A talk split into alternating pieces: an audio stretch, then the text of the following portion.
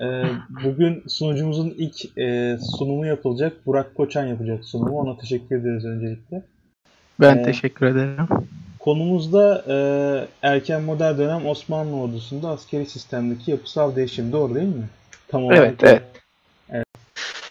Ben de ya açıkçası gösterecek PowerPoint hazırlamadım çünkü hı hı. E, çok fazla gösterecek bir şey yok Anladım. bu konuda. sorun değil. Ilgili. İlla şey görüntülü olması şart tabii, tabii. zaten. Hı-hı. Yok şey e, yani Yeniçeri işte top tüfek resimleri göstermek yani hani çok şey ifade etmeyecek. Anladım. Yani, e, tabii gerekmezse zaten görsel olur. Hani ben belki daha sonra ekleyebilirim hani bir iki görsel. Tabii tabii. Olabilir. Ya da direkt ses olarak da yayınlayabilirim bilmiyorum. Yani İsteyen olursa ben en son kaynak paylaşımını Hı, ee, iyi olur. Olabilir. Bir liste belki hani merak eden olur. Ee, konuyla ilgili, genel askeri tarihle ilgili okuma listesi de eklemeyi düşünüyorum. Hı hı. Oradan da e, bakabilirler zaten. Tamam. Yani biraz doldu gibi. İstersen başları bize. Tamam o zaman şimdi şöyle bir yandan da başlayalım. Ee, Konu olarak erken modern e, dönem Osmanlı ordu yapısındaki başlığım, başlığımız. E, şimdi ilk önce erken modern dönemi e, erken modern dönemi tabir edeyim ben. E, e, değişiyor ama genel itibariyle 15. yüzyıl başı kabul ediliyor. 1420'lerden başlayıp Fransız ihtilaline kadar getirenler var Avrupa tarihçileri içerisinde. E, standart 1450-1789 yıllarını alanlar var. Ama bence burada şey yapmak lazım. Ee, nereye odaklanıyorsak ona göre bu yıl aralığı değişebilir. Osmanlıların erken modern dönemi de e, bana kalırsa 1420'lerde başlayabilir. Çünkü e, 1420'lerle 1789 arası gene 1700 190 arası gayet e, makul bir aralık olacaktır. E, çünkü bu erken modern tanımlamasında bazı kıstaslar var. Ordularda ateşli silah kullanımı, işte piyade e, oranının artması vesaire. Osmanlılar'da biz ateş silah kullanımını daha 14. yüzyılın ikinci yarısında zaten görüyoruz ama 1420'lere geldiğinde artık orduda özellikle belli bir bölümünde hassa kuvvetlerinde böyle bir sınıf ayrılmış oluyor. Düzenli sürekli bu silahların kullanımıyla e, meşgul olan birlikler var. İşte cebeciler, topçular, e, yeniçerilerin bir kısmı. Bu dört bin sayısı sabit kanun döneminin ortalarına kadar 1560'lara kadar 4000 adet yeniçeri e, tüfekle mücehhezdir. E, genelde sayı 12 bine tutulur vesaire. Bu sayı bu dönem Osmanlı'nın dönemi 1789'a kadar getirebiliriz. Çünkü e, 1790 yılında bir büyük bir kırılma noktası var. Osmanlı erken modern dönemi bitiyor diyebiliriz. Nizam-ı Cedid hareketi başlıyor ve artık Avrupa'da olan aydınlanma buraya da sirayet ediyor. Bu da gene aslında askeri bir olayla patlıyor diyebiliriz. Ee, 1791 yılında Ziştobe Anlaşması var. Avusturya ile 1792'de de yaş anlaşması var. Rusya, Ruslarla yapılan. Aslında İstanbul e, Ziştovi'de 3. Selim Ziştovi'de Avusturya ile barışı yaptıktan sonra e, artık tek cephete kalınmış ve Ruslarla savaşı sürdürme azminde bunun isteğinde ve sürekli cepheye haberler gönderiyor. Tek cephe kaldı artık bastırın vesaire. Ama e, Şubat ayıydı yanılmıyorsam Şumlu'daki ordugahta e, komutanlar başkomutan sadrazama geliyorlar ve ordunun artık savaşamayacağını bu düzenle bin sene savaşılsa bu ordu Nusret yüzü göremez, zafer göremez Ruslara karşı diyor. Bu da artık iyice ayan beyan meydana çıkarıyor. Kadim e, eski geleneksel Osmanlı sistemiyle e, artık bu dönemde iş yapılamayacağı e, kat iyi reform hareketlerine girilme, girişilmesinin gerektiğini burada görüyoruz. Yani daha doğrusu onlar da fark ediyorlar ve Nizam-ı Cedid hareketi başlıyor. O biraz daha ılımlı ardından gelen 2. Mahmut ise köktenci bir hareketle zaten Tanzimat'a kadar o gelecek süreci kapılarını açıyorlar Nizam-ı Cedid'le. Ee, dönemi bu açıdan e, tabir ettikten sonra e, belirtmek istiyorum ki her şeyden önce dikkat etmek lazım. Osmanlı Taşra Teşkil kuruluşta e, 18. yüzyılın ilk 30'lu yıllarına 1730'lu yıllara gelene kadar Taşra Teşkilatı askeri teşkilat girift bir yapıda. Yani çok iç içe geçilmiş durumda.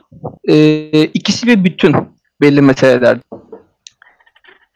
Yani Sancak Bey'i aynı zamanda hem bir bölgenin idari yöneticisi ama aynı zamanda bir asker. Bu 18. yüzyılın ikinci yarısı itibariyle değişecek. Yani bunu göreceğiz. Tımar meselesi zaten bu yüzden çok önemli. Hepimiz öğrenmişizdir. İlk, e, e, üniversite sınavına hazırlanırken bile tımar sistemi. İşte Osmanlılar yerinden idare ediyorlar. Merkezi hazineden para çıkmadan e, ordu besliyorlar vesaire. Tımar meselesi bu yüzden önemli. Bundan dolayı zaten düzenli tahrirler yapılıyor.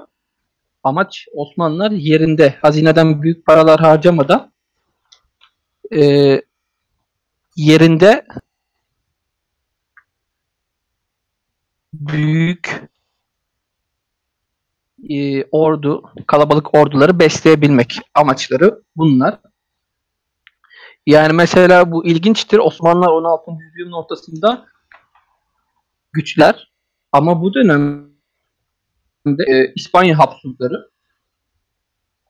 Osmanlılar'da diyorlar. Ya da Avusturya hazi, merkez hazinesine giren e, yani Avrupa Habs e, Avusturya Habsburgları'nın hazinesine giren gümüş kilogram bazında Osmanlı hazinesine giren gümüşten çok daha fazla. Osmanlı hazinesine 80 kilogram 80 e, K diye okudum. E, o muhtemelen bin küsürler olması lazım. Civarında gümüş girerken bu İspanya Habsburglarında 130'ları buluyor. E, Avusturya merkez hazinesine Viyana'ya da ise bu yüzlere yakın ama baktığınız zaman Osmanlılar çok daha büyük kitleleri besleyebiliyorlar ve e, mobilize edebiliyorlar. Bu da tabi e, idari farklılıktan kaynaklı. E, erken modern dönemde Osmanlı ordusunu üç döneme ayırmak lazım. Üç dönemde incelemek lazım.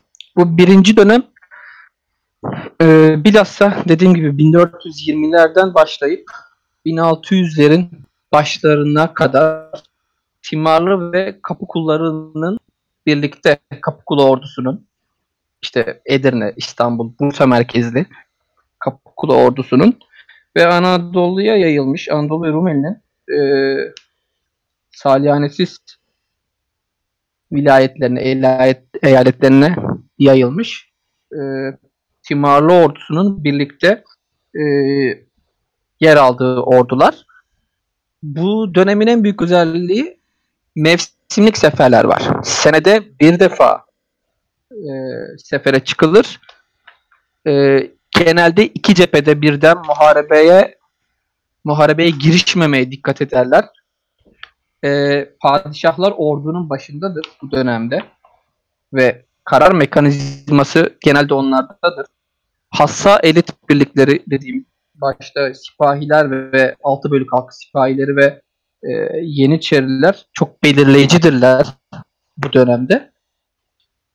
Timarlı ordusu da süvari kanadı olarak ordunun e, onlar da daha ileriki dönemlere göre bizzat aktif rol alırlar. İkinci dönemse 1600-1700 arası 100 yıllık dönem kabul edilebilir. Bu dönemde artık kapı kulları kalabalıklaşıyor. Ve kapı kullarının yanında orduda paşa kapılarının yani vezirlerin kendi mahiyetlerinden gelen askerlerin e, kalabalıklaştığını Timarlıların yerini Taşra'dan paşaların yazdığı askerlerin aldığını ve paşa kapılarının gelen askerlerin aldığını görüyoruz. e, bu ikinci dönem dediğimiz 1600-1700'de dediğim gibi timarlar artık e, lojistik hizmetlerine kayıyorlar ordunun. Mesela top nakliyesi, e, siper kazmaya vesaire. Zaten timarları da giderek azalıyor bu dönemde. Daha çok e, kalabalıklaşan kapıkulları paşa kapılarından gelen Anadolu'dan farklı zümrelerden yazılan tüfek kullanan piyade askerler e, süvari timarların yerini alıyor. Üçüncü dönemse e, 1700 ile işte 1792 bunu iyice artık e, 1826 sonrasına tabi bağlanabilir. Ben erken modern dönem dediğim için 1790'da kesmek lazım burada. E, bu dönemde de Yeniçeriler çok sembolik bir miktara inmiş vaziyetteler. Ama gene varlıklarını koruyorlar. Taşra'da ayanlar ortaya çıkmış. 18. yüzyıl itibariyle. Onlardan sa- e, onların sağladığı taşra kuvvetleri. Bunlar kimdir? Arnavut sekbanlar, e, Türkmen sekbanları, Anadolu'dan toplanan. Bunlara genelde Osmanlı ricali kayıtlarda başı bozuklar der. Çünkü bunlar disiplinli askerler değildir. Sadece savaş zamanı eli silah tutan e, e, genelde bekar erkek götürürler savaşmaya. E, üçüncü dönemde de bunları görüyoruz özellikle. Şimdi peki bu değişim neden oldu? Yani birinci dönemden o kapı, kapı birlik e, kuvvetli olduğu Timarlı sipahilerin aktif görev aldığı dönemden biz ikiye nasıl geldik? Önemli olan bu ve bağlayıcı olan uzun vadede bağlayıcılığı olan da tabii bunun. Bunun en büyüklerini seferler uzuyor. Yani artık 1600-1700 arasında e, mevsimlik seferler yok ve çift cepheli çift cepheli savaşlar başlıyor. Yani mesela tabi bunu ben kesin rakamlar olsun diye 1600-1700 dedim. E, 1570 bu işi tetikleyen, büyük değişimi tetikleyen Anadolu'yu da zaten yeri yerinden oynatan 1578-1590 uzun İran savaşları. 12 yıllık savaşlar. Bunun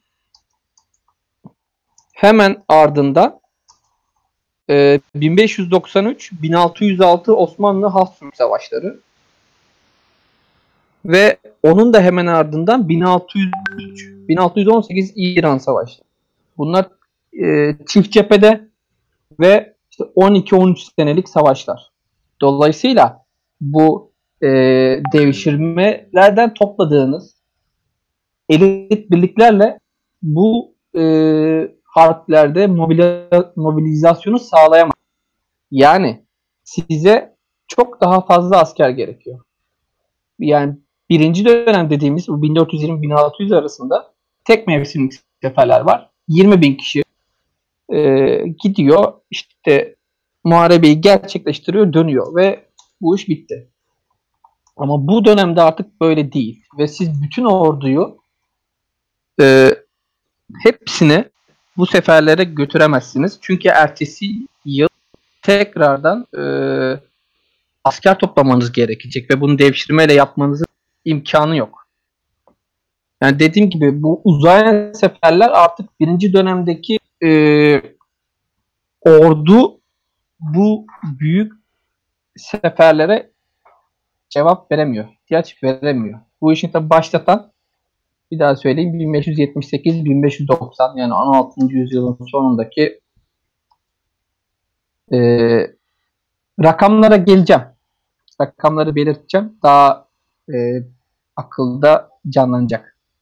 E, İran savaşları bu değişimi tetikliyor. Uzayan seferlerde seneye de savaş var ve bu, bundan dolayı tüm orduyu sefere götüremezsiniz. Dolayısıyla bir asker havuzu oluşturmanız gerekiyor. Yani kalabalık bir asker havuzu olacak ve buradan siz askerleri nöbetleşe sefere götüreceksiniz.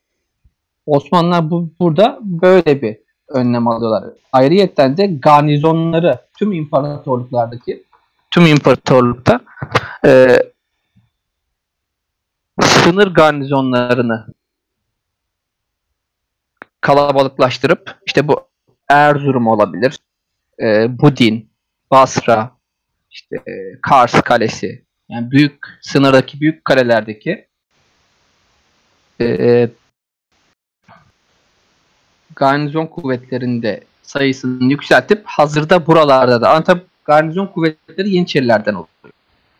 Taşra'ya gönderilen Yeniçeriler. E, asker havuzu oluşturduk. Bu yeni uzun ve uzun dönem seferlere ve çok cepheli savaş uyum sağlamak adına asker havuzu oluşturduk. E, bu kadar kalabalık askeri nereden alacağız? Daha önceden Osmanlılar genelde e, Sırp, Boşnak, Hırvat ve Arnavutları tercih ediyorlar devşirme sisteminde. Hatta Müslüman olsalar bile Boşnak ve Arnavutları alıyorlar silah altına elit birliklerde kullandırmak için. Ve artık e, bu elit birliklerin cevap vermediğini gördük. Dolayısıyla daha kalabalık bir asker havuzu oluşturmak için Türklerden, şehirliler Türklerden bahsediyorum. E, Türklerden, Çerkezlerden, Gürcülerden de asker yazmaya başlıyorlar. Tabi bu kimi Osmanlı ricalince tepkiyle e, karşıladı. Ayaklar baş oldu işte e, bu kadar kalabalık niteliksiz askerle bir iş yapılmaz gibi meşhur Koçu Bey e, yani o eski statikoyu sürdürmek isteyen rical buna tepki gösteriyor. Asker havuzu oluşturduk dedik. Yeni zümre askerler. E, şimdi şöyle bir şey vardı. Ateş silah. Eski elit sistemde ok ve yay kullanıyordu asker e, mesela Yeniçerilerin ekseriyeti. Sadece 4000 kişilik bir gruba Osmanlılar tüfek kullandırıyorlardı. Şimdi bu kadar kalabalık askere ok veya yetiştiremez.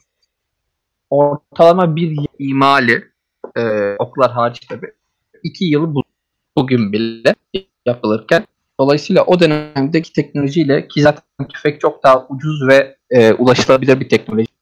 Bu yeni kalabalık kitle Osmanlılar tüfek kullandırıyor. Ateş silahlar zaten bu şekilde orduya her e, her e, noktasına iyice yerleştiriliyor. Bunu söyleyebilirim. E, tabi bir de şöyle bir şey var. Bunu da göz önünde bulundurmak lazım. Zaten daha evvelden yani 16. yüzyıl ilk yarısı itibariyle 1510'dan 1520'ler itibariyle tüfek o kadar ucuz ve basit bir silah ki kolay ulaşılabilir bir silah ki herkesin elinde var. Anadolu'da halktan sürekli tüfek toplanıyor. Rumeli'de ahaliden sürekli tüfek toplanıyor. Çünkü bu silahın ahalinin elinde olmasını istemiyorlar. Sürekli toplanıp garnizonlara e, e, teslim ediliyor. Bütün hükümlerde gözüküyor zaten. İstanbul'dan e, imparatorluk coğrafyasının her tarafına giden hükümlerde beyler beylerine sürekli emir işte bu silahları halkın elinden toplayın şuraya teslim aman teftişe çıkın halkın elinde tüfek olmasın vesaire. Şimdi bu noktada burada devletin bir tavır değiştirdiğini de görüyoruz 1570'ler itibariyle. Uzun seferler başlıyor. Kalabalık bir kitle lazım e, ne yapacağız? Daha çok asker yazacağız. Daha önce yazmadığımız cümlelerden yazacağız. Olur yazalım. Nasıl asker yazıyorlar? Halkta tüfek kullanmasını bilen e, işte tüfek kullanabilen, tüfeği olan, kendi silahı olan özellikle asker yazıyor. E, 10 sene öncesi, bırakın 10 seneyi 5 yıl öncesi bu yasaktı, men ediliyordu bu iş. Bir anda devlet bunu kabul ediyor ve doğrudan sizi ortaya entegre ediyor. Bu ikinci dönem böyle bir değişimi görüyorsunuz. Ayrıca bu dönemde bürokrasi daha çok kuvvetleniyor. Yani 1595 sanırım. Eğri Seferi son padişahtır. Ee, şeyde sefere çıkan yani 4. 17. yüzyılı saymazsak 16. yüzyılın sonunda ciddi manada işte Sultan Süleyman gibi vesaire karizmatik bir lider olarak sefere çıkan son padişahlardan 3. Mehmet onu da bürokrasiye rağmen çıkıyor yani. Bürokrasi çok kuvvetli ve kendi kapılarındaki askerleri orduya onlar da entegre ediyor. Yani benim kendi kapımda ben bir vezirim, benim kendi kapımda 5000 kişilik bir. Ben bunun maaşını devletten alıyorum. Bürokrasi de kuvvetleniyor. Aslında burada yapısal, devletteki yapısal dönüşümü de görmek Askeri değişimle bir, oradaki, ordu yapısındaki değişimle bir e, o tek adamın etrafındaki belirici, belirleyici olan tek adamdan ziyade artık e, kapıların, vezir gruplarının, bürokrasinin hakim olduğu, padişahın, hanedanın daha sembolik konuma geldiği döneme de giriyoruz bu 1600-1700 arası dönemde. Askeriye değişmekle birlikte devletin yapısı da değişiyor. Tabi bu kalabalık e, toplanan askerler dediğimiz gibi işte bunlar tüfek kullandırılıyor. E, çok kalabalık bir asker havuzunuzun olması lazım çünkü seferler uzuyor vesaire. Bu da tabi farklı bir veçesi var bu işin. Bu kalabalıklaşan kitleye nakdi ödeme yapmak durumunda devlet. Ve bu kitleleri mobilize etmek için e, ak- ödeme akışını aksatamazsınız. Çünkü bu insanların mesleği asker bugünkü gibi bir vatani görev mefhumu yok. Parasını verirseniz savaş. Dolayısıyla artık tımarların zaten kaybolduğunu görüyoruz. İkinci dönemde. Tımarlar kayboluyor. Bunun yerine tımarlar ver, e, tımar bölgeleri mukatalar ihaleye çıkıyor. Devlet bu bölgelerin gelirlerinin toplanmasını ihale ediyor. Herhangi birine veriyor. Ondan peşin para ki o peşin parayla bu kalabalık asker havuzunun e, maaşlarını ödeyecek. Bu genelde ihale şeklinde oluyor. Ömür boyu olmuyor. Ta ki 1697'ye. 1697'de mukatalar malikane sistemine dönüyor. Yani bu gelir toplama birine ihaleyle bir kere yapılıyor ve ömür boyu onda kalıyor. Genelde daha sonra da ailesinde kalıyor ki bu da 3. dönemde ortaya çıkacak olan ayan profilini oluşturuyor. Taşra'da devlet otoritesi kayboluyor. Merkezi otorite kayboluyor. Taşra'da ayanlar ortaya çıkıyor. Bu malikane olayından. Özelliği bu. Şöyle özetleyelim baştan. Bürokrasi çok kuvvetleniyor. E, kapı kulları artıyor. Ayrıca bürokrasinin, vezirlerin kapı askerleri devreye giriyor. Tımarlar, tımarlar e, işte bu bence bu bozulma olarak algılanmamalı. Yani tımarla zaten bu iş yapılamaz. Dönmez. Ki bunu zaten defaatle deniyorlar. Tımarları denemeye çalışıyorlar yani. Hani oraya gene en nihayetinde gene oraya geliriz. Tımarları tekrardan ihya etmek istiyorlar ama yok yani o olmuyor. Tımar bu işe cevap vermiyor. Ee, neyse devam ederiz en sonda.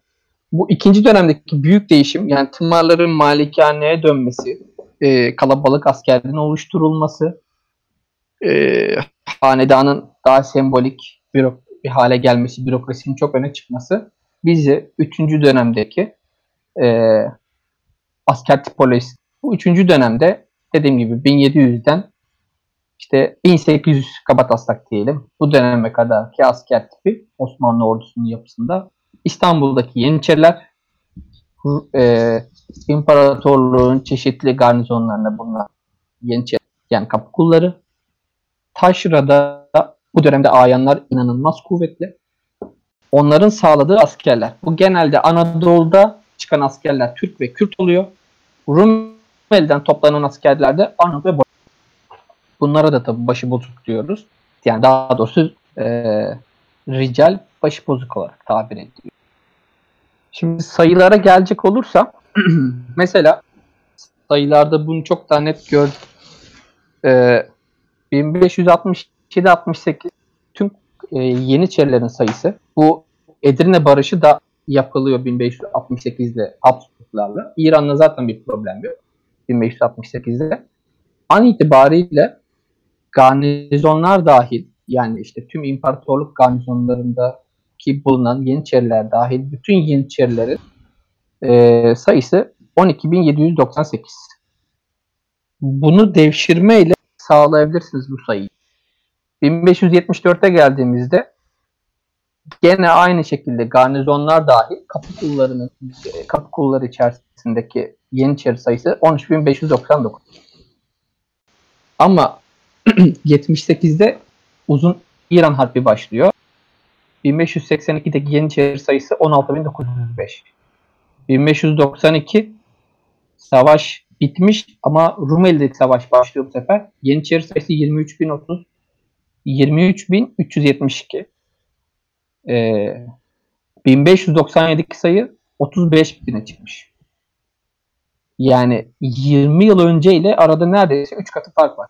Bu sayıyı devşirme ile yapamaz. Asker yetişmez. Dolayısıyla Anadolu'da zaten e, hali hazırda tüfek kullanabilen daha önce men ettiğiniz kitleyi hem realiteyi kabul ederek hem de ihtiyaçlara pratik cevap vermek adına işte silah altına alıyorsunuz. Bu havuz sisteminde en güzel örnekleyecek şeylerden biri mesela 1663-64 e, Varat seferi vardır. Köprülü Mehmet Paşa'nın. Tüm imparatorluk e, topraklarında bulunan Yeniçeri sayısı burada 53.371. Bunun 19.460'ı garnizonlarda.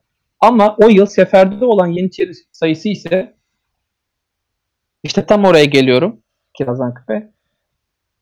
O yıl sefere 10 binin biraz üstünde asker katıldı. E 20 bin, yaklaşık 20 binde şeyde var. Garnizonlarda var. İstanbul'da 23 bin civarında asker bekliyor. Eğer sefer uzarsa seneye yaklaşık yine aynı sayıda e, sefere o asker çıkacak. Yani nöbetleşme dönüyor. Her sene aynı askeri e, sefere götüremezsiniz. 1696-97 yılında sayı 69.620 az çok gene aynı. Burada da durum. İşte bunun üçte biri kadarı garnizonlarda, ee, bir o kadarı İstanbul'da bekliyor ve 15-20 bin arası da şey, seferde. Mesela 1701 Karlofça sonrası sayı 42 bin. Çok büyük bir düşüş var. E nasıl oldu bu? Çünkü e, bir sürü e, asker daha evvelden Anadolu'dan toplanan terhis ediliyor. Savaş bittiğinde bunları ödeme yapmıyorsunuz. Tabi bu daha sonra daha farklı problemler önümüzde ama dediğim gibi sayılardan da değişimi aslında çok net okuyabiliyoruz. Edinebiliyor. Özetleyecek olursa 3 e, dönem 1420'ler 1600 arası e, karizmatik bir padişahın bulunduğu ve hassa elit kuvvetlerin belirleyici olduğu. İkinci dönem 1600-1700 arası bürokrasi çok kuvvetli, bürokrasinin sağladığı askerler çok kuvvetli. Artık nitelikten çok niceliğe önem veriliyor. Yani ateş gücünün e, kaliteden çok sayıya önem verildiği dönem.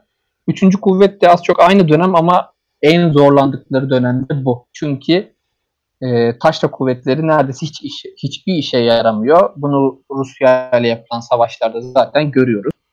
E, aslında bu bize gösteriyor ki yani askeri dönüşümü bu ordunun dönüşümünü takip etmek aynı zamanda e, imparatorluğun ideal dönüşümünü de takip etmek oluyor belli bir dönem. Ee, yani mesela 16. yüzyılda işte bu 1420'lerden 1600'lerin başına kadar baktığımızda devlet adamları, vezirlerin büyük mü e, asker ailelerinden geliyor. Askeri kökenli. Ama 17. yüzyıla geldiğimizde mesela e, bürokrasiden çok fazla asker çıkıyor. E, özür dilerim asker dediğime bakmayın. Vezir çık bürokrasi, bürokrasi e, gelenler yer alıyor yani şeyin genelde defterdar sadrazamlar, reisül kitaplar. Yani meşhur defterdardır mesela Köprülülerin. Köprülü Mehmet Paşa defterdardır. Kariyerine bürokrasiden başlıyor. Rami Mehmet Paşa reisül kitaptır. Damat İbrahim Paşa 18. yüzyıl başının sadrazamlarından kendisi defterdardır. Koca Ragıp Paşa reisül kitaptır aslında bu idari sistemdeki devletin idari mekanizmasındaki değişimi de görmemizi sağlıyor. Bu girift yapı e, aşağı yukarı 1850'lere kadar böyle devam ediyor. Ondan sonra tamamen e, askerin bir memura döndüğü ve idarenin altında yer aldığı bir yapıya dönüştüğünü söyleyebiliriz ama bu çok daha tabii farklı. Bu konuya ilk yani onu zikretmeden olmaz. Ee, değinen de rahmetli İnalcık 1975'te bir makale yazıyor kendisi. ben onu buraya kaynak paylaşımını görürüm, koyarım. 1975'te yazıyor daha Military and e, Fiscal Transformation in the Ottoman Empire. Yani gerçi hoca bu değişimin yukarıdan dayatıldığı belirtiyor. Orada kendisiyle artık genelde tarihçiler farklı düşünüyor. Hoca bu değişimi Avusturya Macar cephesinin e, itici güç olduğunu düşünüyor. Çünkü işte onla, hocanın tezine göre de onların ateşli as, silah kullanan askerleri çok fazla. Dolayısıyla bizde daha kuvvetli asker, daha fazla ve daha çok e, ateş silah kullanan asker e, istihdam etmeliyiz diye belirtiyor. Ama işte hoca o noktada şeyi gözden kaçırmış vaktinde. E, hemen öncesindeki 1578-1590 İran seferlerini, uzun İran seferlerini o muhtemelen e, bu İran cephesi Osmanlı tarihçiliğinde genelde böyle göz ardı ediliyor. Yani harp tarih çalışanlar da ben de kendim de e, genelde herkes Macaristan'a ve Rusya serhaddine odaklanmış durumda. E, pek kimse bakmıyor. Dolayısıyla biraz şanssız bir bölge. Ama bu büyük ikinci dönemdeki büyük değişimi tetikleyen kesinlikle ve kesinlikle 1578-1590 İran harpleri. Ki zaten dönemin e, sadrazamının sırf kağıtlı bir olarak e, şey bunu açıkça belirtiyor. E, Osmanlı tarihçisi Selanik'in yani onun tam olarak ifadesiyle belirtecek olursam bu kadar uzun e, sefere asker dayanmaz diyor. Seneler kah, kah e, Tebriz'de, kah Hemedan'da yıprandı. Dolayısıyla Rea'ya rüşvet verip kapı kulu yazılıyor. Bu da gayet normaldir. Kimsenin bundan şikayet etmeye hakkı yok diyor. Kendi döneminde statikonun bozulduğundan yakınan kitlelere o açık bir şekilde bu realiteyi gösteriyor. Böyle özetlediğimi düşünüyorum ama gene işte e, sorusu olan arkadaşlar varsa üzerine Bitti sanırım. Evet evet bitti. Ee, so, ilk başta hani yazılı olarak sormak isteyenlere bakalım. Hani Tamam. sorusu olan varsa yazsın. Belki hani sesli olarak sormak isterlerse de en son sesini açarız. Tabii. Var mı sorusu olan? Yazabilirsin kanalda. Şimdi şu hatta şunu söyleyeyim. E, Güldane tımarların kaldırılmasıyla zaten sistemsel bozulmalar baş gösteriyor demişti. Ama sonra yazdığı aynen öyle. O sistemsel ve savaşın doğasındaki değişim bu e, Osmanlı ayak uydurmaya zorluyor kendisini ifade ettiği gibi yani. yani bunu yapmaya mecbur. Daha sonra Kirazan Küpe'nin söylediği gibi o Yeniçerilerin hepsi Maaşa'dan Bordrolu Yeniçerilerin hepsi sefere katılmıyor. Belirttiğim gibi bir kısmı zaten garnizonlarda, bir kısmı yedekte İstanbul'da bekliyor, bir sefere katılıyor.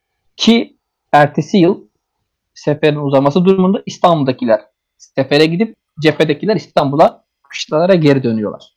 Şuraya da rakamları attım. Atayım şöyle. Yeniçerilerin padişah değişiminden sonra bağış tarzı miktar akçe- Evet bir Şimdi şöyle padişah öldürme meselesi şu. E, bu 17. yüzyılda ortaya çıkıyor. Genelde bu muayyen bir şey değil. Yani cülüs bahşişi illa verilir diye bir şey yok. E, bu biraz da Sokullu Mehmet Paşa'nın marifeti. Aslında işte o bahsettiğim e, hanedanın sembolik bir yapıya dönüşmesini tam olarak buradan görüyoruz. Kanuni Zigetvar'da vefat ettiğinde kimseye haber verdirmiyor Sokullu Mehmet Paşa. Çok iyi e, konsolide ediyor durumu. E, sadece İs- Manisa'ya Şehzade Selim'e haber gönderiyor. Hatta İstanbul'daki e, Sadaret Kaymakamı Kasım Paşa diye yanılmıyorsam onun bile haberi yok. Hiç tören vesaire hiçbir şey yokken hemen atlanıp Manisa'dan Şehzade Selim doğrudan Belgrad'a şeyin mektubu üzerine gidiyor. İstanbul'a geldiğinde Sadaret Kaymakamı'nın bile ölümden, durumdan haberi olmadığı için diyor ki daha önce abilerimiz böyle kafalarına buyruk hareket etti. Bu işin sonu hayırlı değildir. Bence gitmeyin diyor. Çünkü Kanuni'nin vefat ettiğini bilmiyor tabii. Tamamen bütün ipler, bütün yetki Sokulu Mehmet Paşa'nın elinde. Belgrad'a yaklaştığında ordu işte haberi oluyor ordunun artık e, Sava Nehri'ni geçip Belgrad'a yaklaştığında Osmanlı ordusu Kaan e, Sokulu Mehmet Paşa işte hafızlara diyor ki okumaya başlayabilirsiniz vesaire. Asker anlıyor. Tam bu noktada e, Belgrad'a geliyor. İkinci Selim tahta çıkacak. E, orada Yeniçeriler kılıçlarını yukarı kaldırıyorlar. Bunda biraz e, Sokulu Mehmet Paşa'nın payra, e, parmağı vardır. Ortasından ikinci Selim'i geçittiriyorlar. Ve orada e, ona şey cülüz bahşişi istiyorlar açık açık. Normalde e, illa tahta geçtiğinde her padişah bunu verecek diye bir şey yok ikinci Selim'e kadar.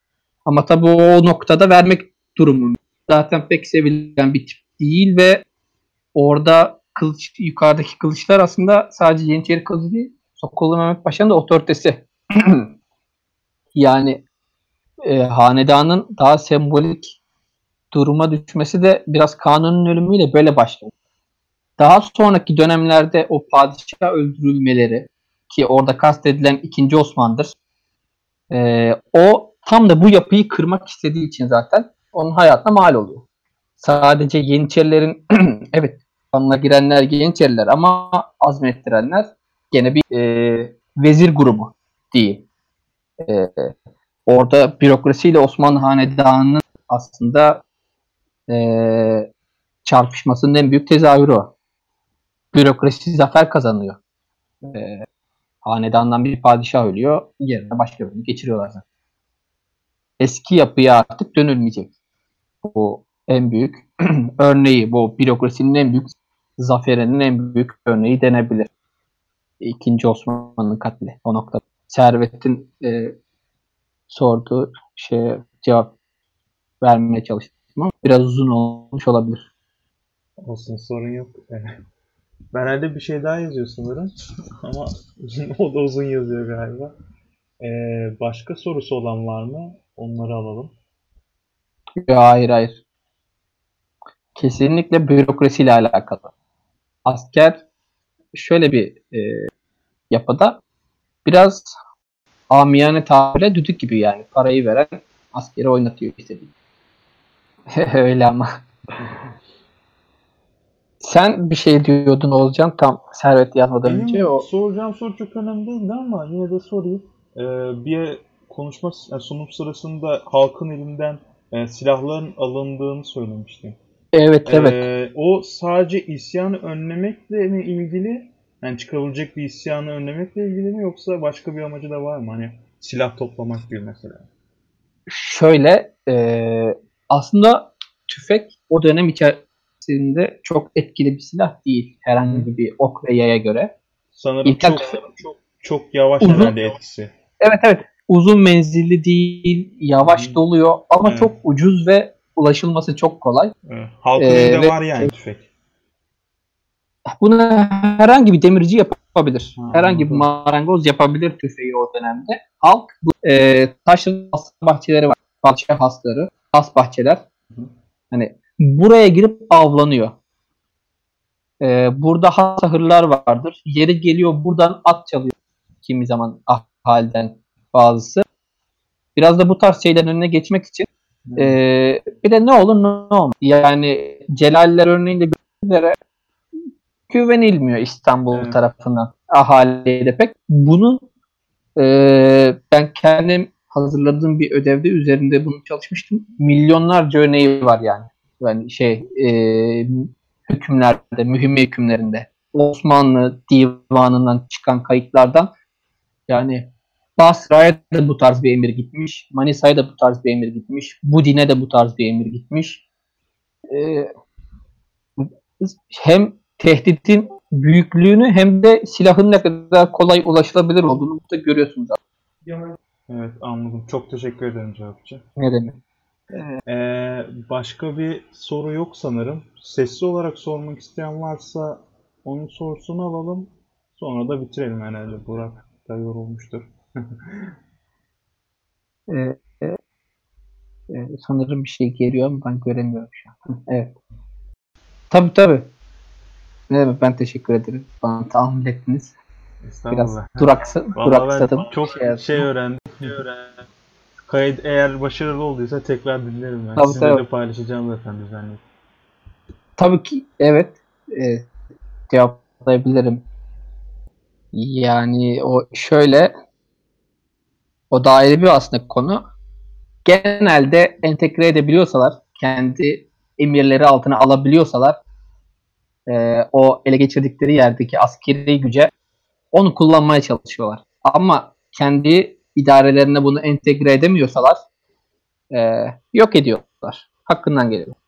Ama genelde bunu entegre etme yoluna gidiyor. Çünkü e, maliyet çok önemli. Bugün de olduğu gibi o dönemde de hazırda oluşturulmuş bir askeri gücü e, yıkmak çok kolay, yapmak çok zor.